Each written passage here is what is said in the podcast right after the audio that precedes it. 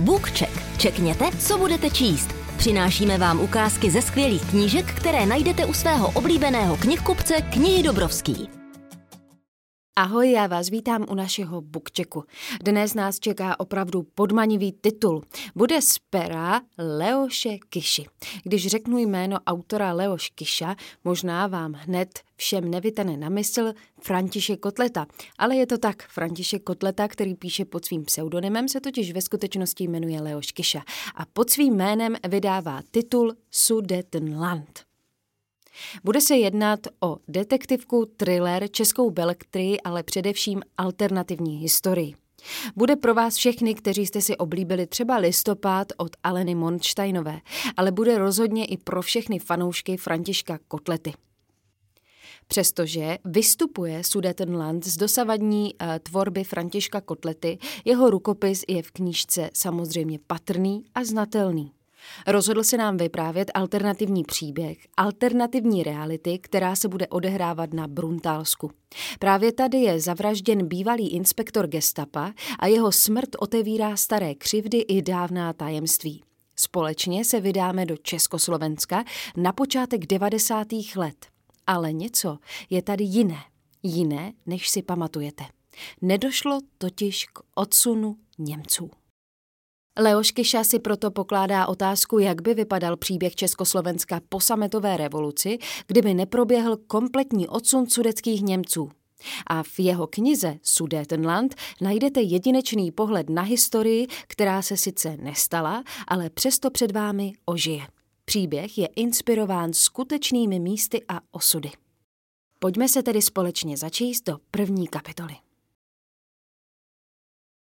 Oživlý problém odsunu Němců. Názor členů ČSSPB ze stanoviska občanského fóra. Ve veřejnosti se v poslední době stal znovu živým problémem odsun části sudeckých Němců z českého pohraničí po druhé světové válce. V československé televizi k tomu Václav Havel před Vánoci řekl, že podle jeho osobního názoru by se hranice Československa neměly měnit, že by se sem nikdo z odsunutých neměl vracet – ale že jsme povinni se Němcům, kteří byli odsunuti, omluvit, protože to byl akt velmi tvrdého zbavení stovek tisíc lidí jejich domovů. Místo předseda federálního UV ČSSPB generál poručík F. Šádek říká – ve stovkách dopisů, telefonátů, osobních i kolektivních náštěv přímo na FUVČSSPB tlumočí svůj zásadní nesouhlas F. Šára, Z. Metl a Prokeš a Burger a další připomínali nelidské zacházení s českými vlastenci v nacistických koncentrácích, fanatickou nenávist německých občanů vůči všemu českému a cíle vědomou genocidu obou našich národů. I když odsun nebyl jistě lehkou záležitostí pro německé občany, nebylo jeho provedení tak drastické jako například transporty do koncentračních táborů. Členové ČSSPB jsou názoru, že morální právo je na naší straně. Odsun sudeckých Němců nebyl jednostranným aktem našeho státu, nýbrž šlo o rozhodnutí vítězných mocností, tedy Sovětského svazu, USA, Velké Británie a Francie na konferenci v Jaltě a bylo to jenom rozhodnutí předsedy vlády Zdeňka Fierlingera, který v rámci velkého plánu ekonomické stabilizace pohraničí a národního usmíření snížil počet odsunutých na pouhý milion osob, který se týkal těch největších zločinců a nepřátel československého státu, zatímco ostatní zůstali, přestože mohli být odsunuti prakticky všichni. Odsun se tak týkal hlavně těch, kdo si žádnou omluvu nezaslouží. Koordinační centrum občanského fora v Praze vydalo k vysílení Němců z Československa stanovisko, z něhož výjímáme. V duchu politiky, kterou se sami chceme řídit, odsuzujeme násilnost a nespravedlnosti, které odsun Němců provázel. Na druhé straně je také mnoho našich občanů, kteří dodnes nesou následky brutální nacistické vlády. Co se pak původního požadavku týká, soudíme, že otázka omluv, to jest kdo se kdy má za co omluvit, není nejšťastnější způsob, jak se s problémem vyrovnat. Jde nakonec přece především o poznání a také o odpuštění. Lidová demokracie, deník Československé strany Lidové, čtvrtek 4. ledna 1990. První demonstrace občanského fóra se na Bruntalském náměstí Míru konala až 25. listopadu. V té době už v Praze nikdo nepochyboval, že vláda musí ustoupit širokým požadavkům demonstrantů a za rohem byla celorepubliková generální stávka. Ale tohle byl Bruntál. Tady čas i historie plynuly jinak. A Šembecher? Prosím? Kouříte, ne? Na stole máte startky. Vysvětlil mi Stanislav Navara. Netušil jsem, že jste Němec. Došlo mi konečně, co říká. Nejsem, ale když tu žijete, no prostě tím nasáknete. Pokrčil rameny a zamával rukou ve vzduchu. Pane Hanzi Aschenbecher, obrátil se na výčepáka, který se znuděně opíral o stoleček s hromadou zažloutlých meníček. Před chvíli nám donesl dva turky. Vrchovaté, jako by na tom nalít víc vody do kafe, bylo něco velkorysého. Při pohledu na pana Hanze jsem měl pocit, jako by se hospodští vyráběli sériově v továrně, povadlé břicho kryté zástěrou, pleš, prsty zažloutlé od cigaret a uštvaný pohled. Tenhle vypadal stejně jako většina pinglů, co jsem znal z Ostravy. Měl možná jen trochu větší a rozpláclejší nos a pohrdavější pohled. Evidentně mu bylo jedno, jestli dostane dýško nebo ne. Ponořil jsem do sklenice lžičku a zamíchal – Spíš ze zvyku, než že by tam bylo něco k promíchání. Nesladil jsem. Zvykl jsem si na to na kolejích v Olomouci, kde prostě žádný cukr nebyl a člověk si musel zvyknout na tu hořkou chuť druhořadé kávy. Většinou už mu to zůstalo. Oslazený turek mi chutnal jako pikao. Pitlíček cukru jsem odložil jako nepotřebný na stůl. Podle toho, jak vypadal, to možná udělalo už pár zákazníků přede mnou. Patrně šlo o bruntalskou formu perpeta mobile. První demonstrace občanského fóra se na Bruntálském náměstí Míru konala až 25. listopadu. V té době už v Praze nikdo nepochyboval, že vláda musí ustoupit širokým požadavkům demonstrantům a za rohem byla celorepubliková generální stávka. Ale tohle byl Bruntál. Tady čas i historie plynuly jinak. Byte, pronesl číšník znuděně a jen co položil popelník na stůl, zmizel někam mimo výčep. Před chvílí otevřel. Velké nástěné hodiny ukazovaly jen pár minut po desáté a my seděli v restauraci Hvězda úplně sami. Znáte ho osobně? Určitě ano, že jo? Koho myslíte? Zeptal jsem se stejně zmateně, jako když se mě tázal na ten Aschenbecher. Na to, že jsem přišel dělat rozhovor já s ním, se zatím vyptával spíš on. Stanislavu Navarovi bylo jen o pár let méně než mě, možná tak 22. Studoval v Ostravě na Vysoké škole báňské a patřil k prvním revolucionářům v Bruntále. Stal se díky tomu i předsedou místního občanského fóra. Kdokoliv jiný se nejspíš bál, anebo byl komunista, spíš to druhé. Václava Havla přece, Vysvětlil nechápavě a dodal, jste přece z Mladé fronty, ne? Pořád tam o něm čtu, o chartě a o všem, co se děje v Praze. Dál jsem ho neposlouchal. Stávalo se to pořád. Lidé měli pocit, že když jste z velkých novin, které o někom píší, automaticky ho znáte. Ale já Havla viděl akorát v televizi. Nebyl jsem ani na jedné demonstraci na letné. Do Prahy jsme od revoluce jeli dvakrát setkat se s novým vedením Mladé fronty. Ráno tam, Večer zpátky uondaným rychlíkem. Jediný prezident, se kterým jsem mluvil, byl před rokem Gustáv Husák, když přijel navštívit horníky do Ostravy. Tohle jsem mu vykládat ale nechtěl. Bylo to složité. Z ostravské redakce se pakovali jenom dva redaktoři, členové KSČ. Jeden zmizel kdo ví kam, druhý teď psal do Ruďasu. Ale každý z nás měl trochu másla na hlavě. Já možná nejmíň. Pracoval jsem tu ten podivný rok plný zvratů a ani do té strany nestihl vlézt, ale hned můj první článek byl o Husákovi. Do dneška si ho pamatuji. Prezident pak v Lídně pohovořil s manželkami horníků, které mu donesly kytice rudých karafiátů. Kolegové měli za sebou horší věci, za které se mohli stydět. Všichni jsme dělali, že se to nikdy nestalo. No samozřejmě to víte, Praha. Všechno je tam teď tak nové a hektické.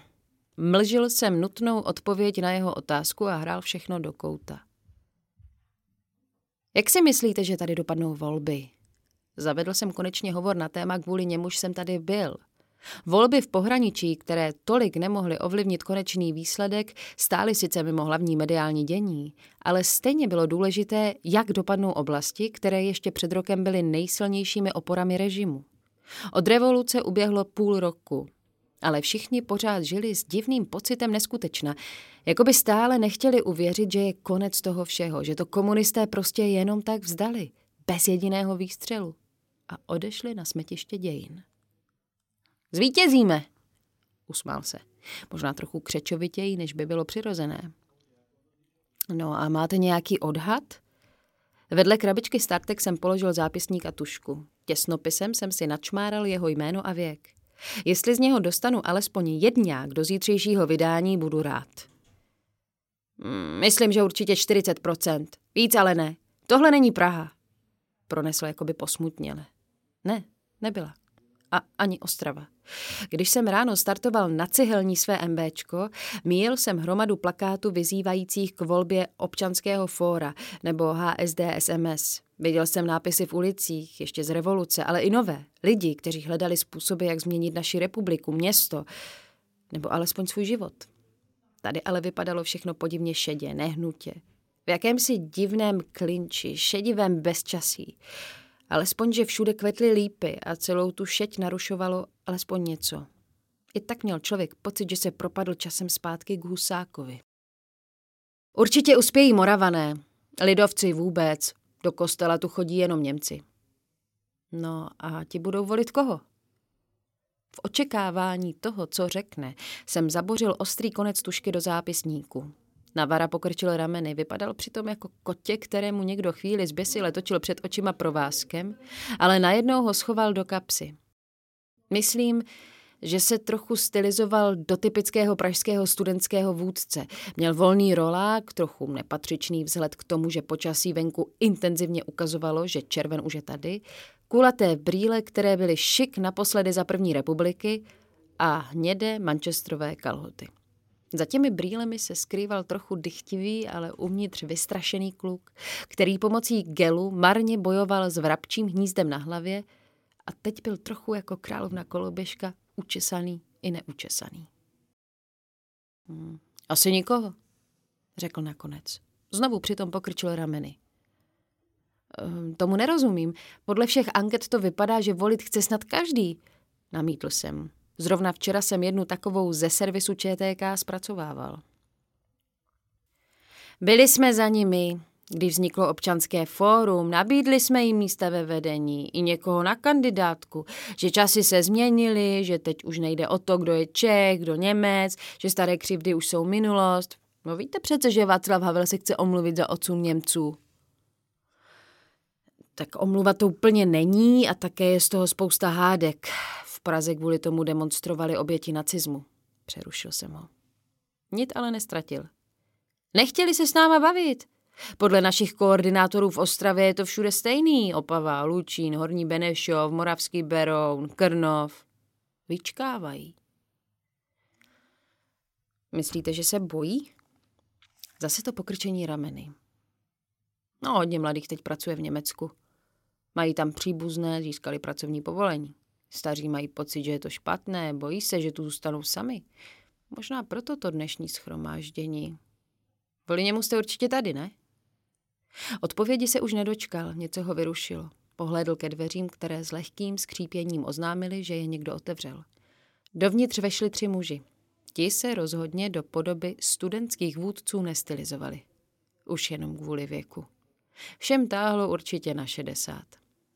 Čest práci, Pozdravil nejstarší z nich a sundal si placatou čepici z hlavy. Pověsil ji na věšák přišroubovaný ke stěně a popošel až k nám. Dobrý den, pane Frank, pozdravil ho Navara. Díval se přitom do země, jako by se ho bál nebo ho nechtěl provokovat. Muž na pozdrav neodpověděl. Já jsem konečně vytáhl z balíčku startku, abych využil ten Aschenbecher. Je to tady, řekl pan Frank. Já, já nerozumím, o co jde. Zase ten pohled kotěte připraveného o hračku na špagátku.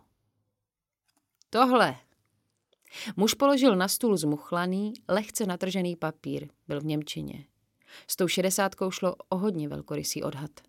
Frank klamal tělem, měl ho štíhle, šlachovité, držel se vzpřímeně, jako by ho stále někdo napomínal, že se nemá hrbit. Uvědomil jsem si, že pan Frank je přesně ten typ člověka, o němž se říká, že má ostře řezané rysy, ale kolem očí měl spoustu hlubokých vrásek, které naopak říkali, že pamatoval mnohem víc. Vlasy měl krátké, prošedivělé, oči zakalené. Klidně mu mohlo být osmdesát. Varoval jsem vás. Hned, jak to začalo, jsem vás varoval. Odejde sovětská armáda a znovu to začne. Znovu. Poslední slovo zdůraznil s trochu hysterickým tónem. Vzal jsem leták do ruky a narovnal ho. Dominoval mu velký hákový kříž. Vyzýval všechny, kdo se zúčastní dnešního schromáždění původních obyvatel, aby požadovali bezpodmínečnou autonomii. Vše psáno švabachem. Vypadalo trochu zvláštně, jak byl leták stylizovaný do předválečné nacistické estetiky. I když všechno kazila mizerná barva z Xeroxu, která dokazovala, že se nejedná o artefakt z roku 1938, ale novější napodobeninu. Někdo si s ní ovšem dal docela práci. Kde jste to vzal? Zeptal se nečekaně věcně Navara. Vysí to všude, chlapče, tohle jsem strhl ze sloupu na Leninovce. Už se to nejme... Zkusil namítnout Navara něco o přejmenování ulice, ale pak mu došlo, že je to irrelevantní námitka a pan Frank vypadal vážně naštvaně. Není to jenom provokace? Přece nikdo není tak pitomej, aby takhle otevřeně... Ozval jsem se pro změnu já. Přesto novinář ve mně zcela prospěchářsky zajásal. Tohle mě dostane možná na celostátní titulku. Vypadá to přesně jako to, co se tu dělo v roce 1938. Já si to moc dobře pamatuji. Můj táta byl ve stráži obrany státu, skončil v koncentráku a historie se opakuje, jak říkal Čapek. Zavrčel a pak mu došlo, že my dva se vůbec neznáme. Potlačil jsem v sobě intelektuála, který by namítl, že o opakování historie mluvil někdo jiný a místo toho se mocně potáhl z cigarety. A vy jste vůbec kdo? Obořil se konečně na mě. Modré oči mu těkaly země na Navaru. Pan Lichke je novinář z Mladé fronty, přijel z Prahy. Ph, z ostravské redakce, opravil jsem ho. Němec? Zeptal se Frank. E, ne, zavrtěl jsem hlavou. Já Němec jsem. Novináři z Prahy nebo z Ostravy. A vím, co to znamená. Václav Havel věří, že jediný, co tohle všechno drželo pohromadě, byl komunismus, synku. Otočil se Frank na Navaru. Říkal jsem ti, když vás pět na konci listopadu vylezlo na náměstí s tím pitomým transparentem občanského fora, že v Praze dělají hovadiny, ale tady v Bruntále to povede akorát k pěknému průseru. Navara zase sklopil oči. Evidentně se znali dlouho a student proti starci rozhodně neměl na to zúčastnit se souboje vůlí. Zabalil to prakticky okamžitě. Vy jste opravdu novinář? Otočil se na mě. Ano, já jsem z Mladé fronty. Přitakal jsem a potáhl z cigarety. Minulý týden dostal kolega od jednoho kooptovaného poslance karton Malborek, ale nějak jsem jim neuměl přijít na chuť. Dělal jsem si legraci, že mého otce zabili startky, tak bych rád pokračoval v rodinné tradici.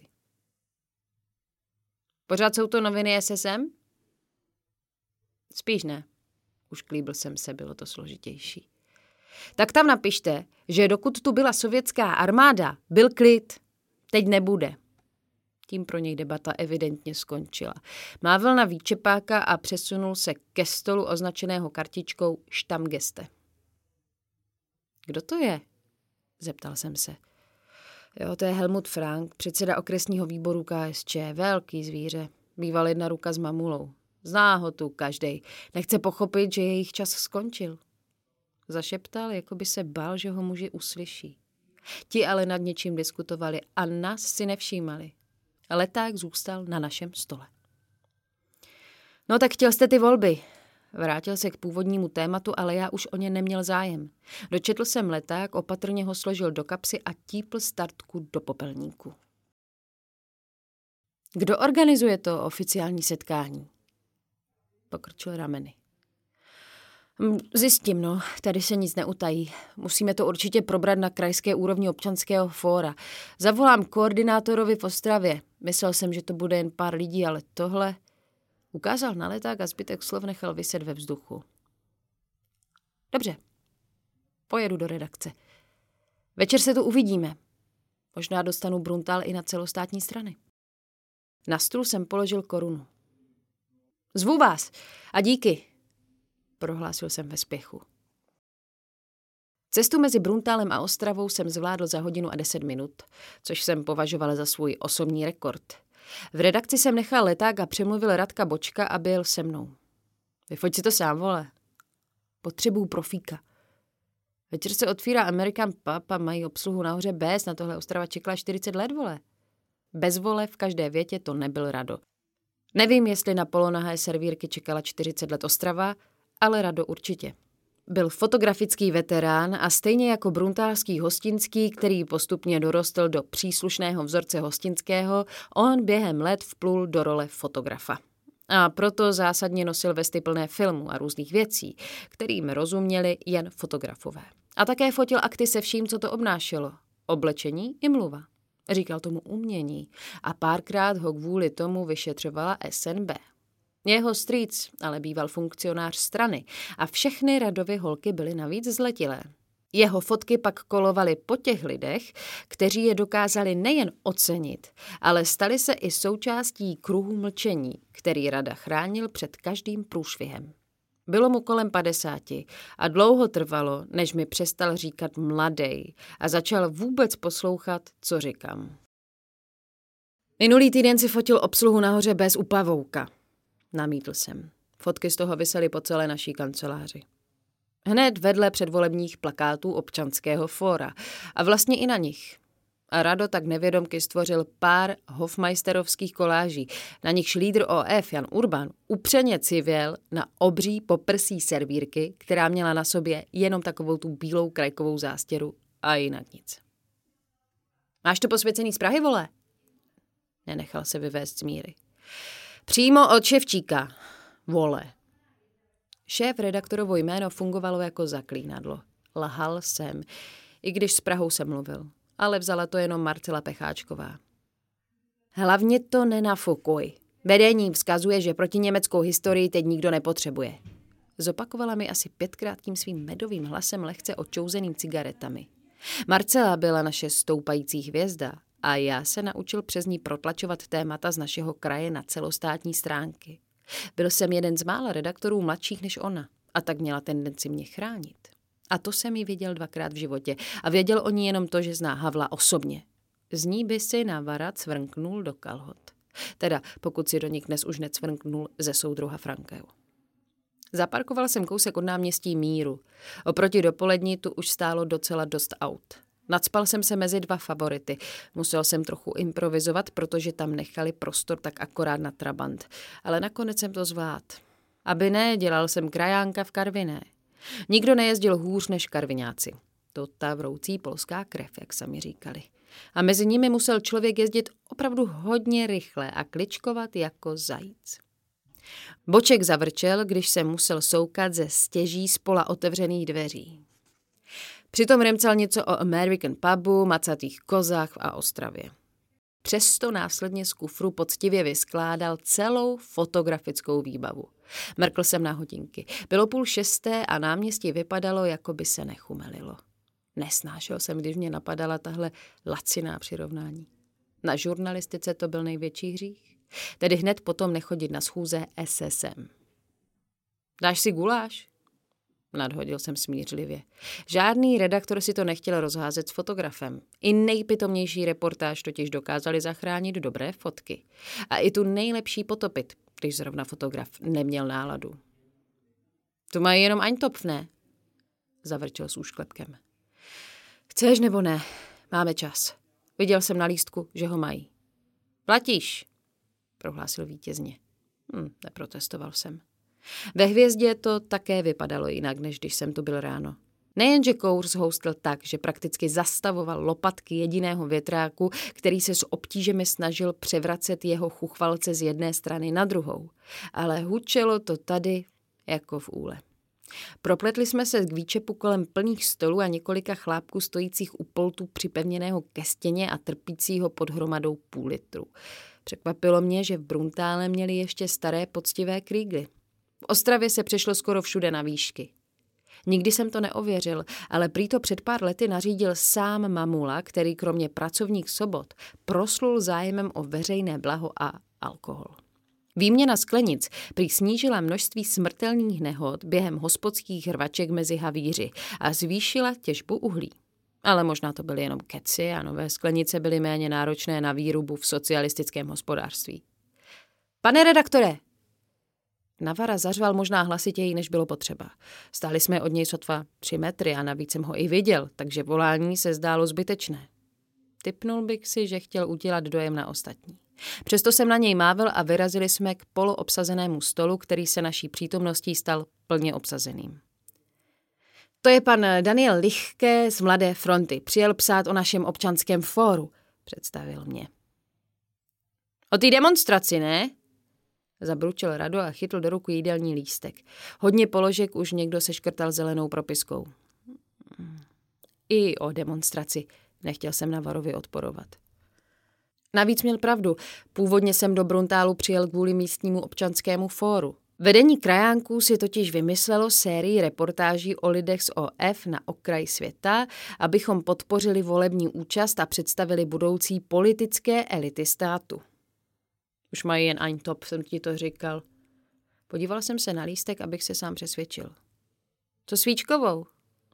Rado zabručel, ale pokýval přitom neznatelně hlavou na souhlas. Dvě piva?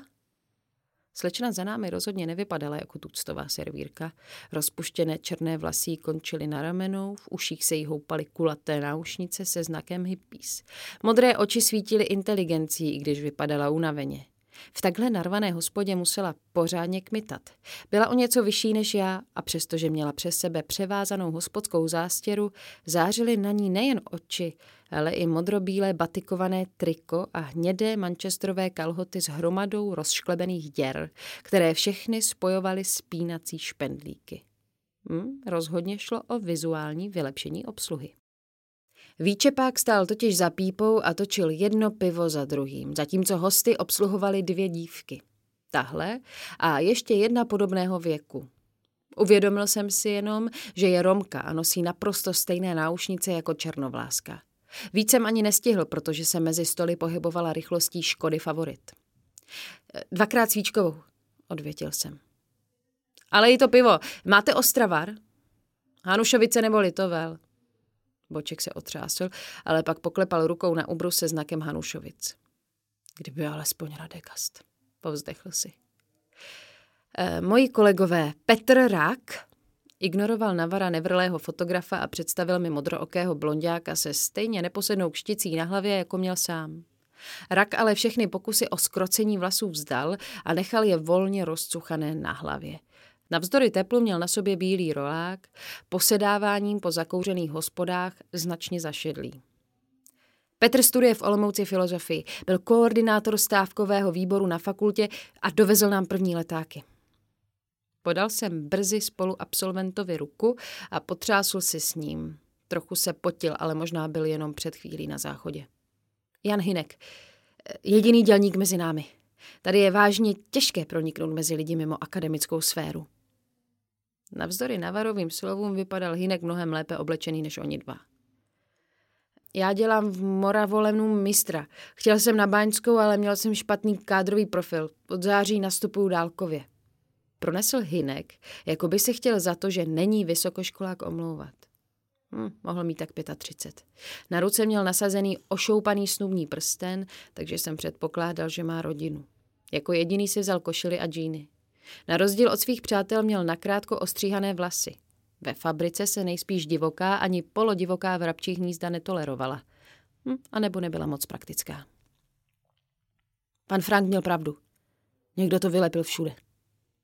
Navara hodil na stůl hromádku plakátů. Všechny byly stejné, jen v různém stádiu potrhanosti, jak je lidé z občanského fora rvali ze sloupů, zastávek a zdí budov.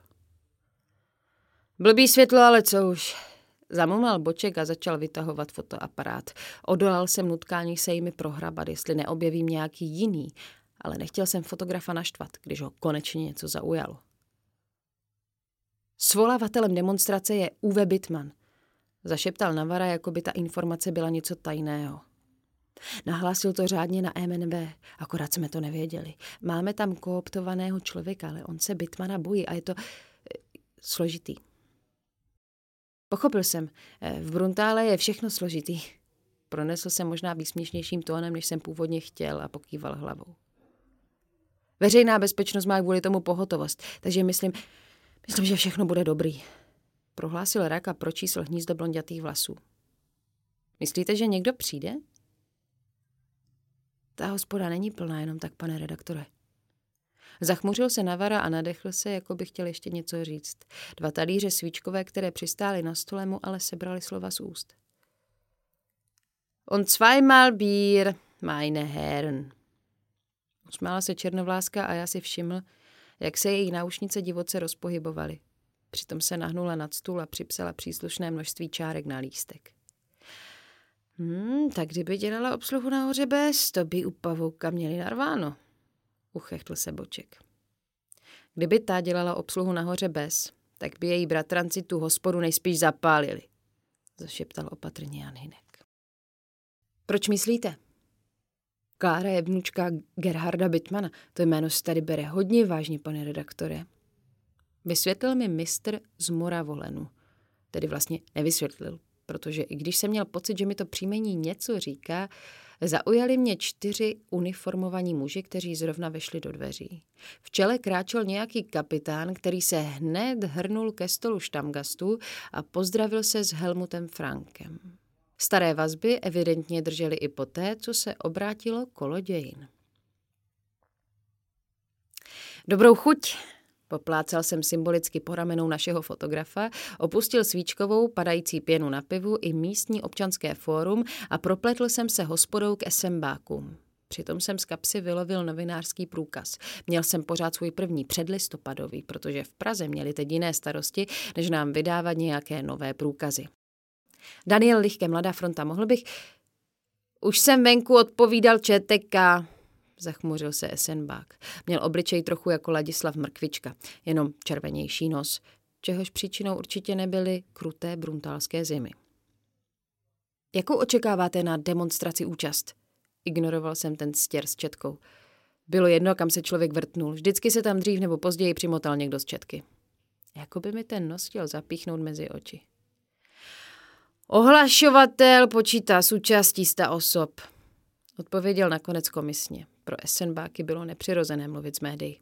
Pomalu si na to zvykali, ale člověk pořád cítil, že by mu místo odpovědi radši jednu ubalil vumlem. Viděli jste ty letáky s hákovým křížem, které se objevily?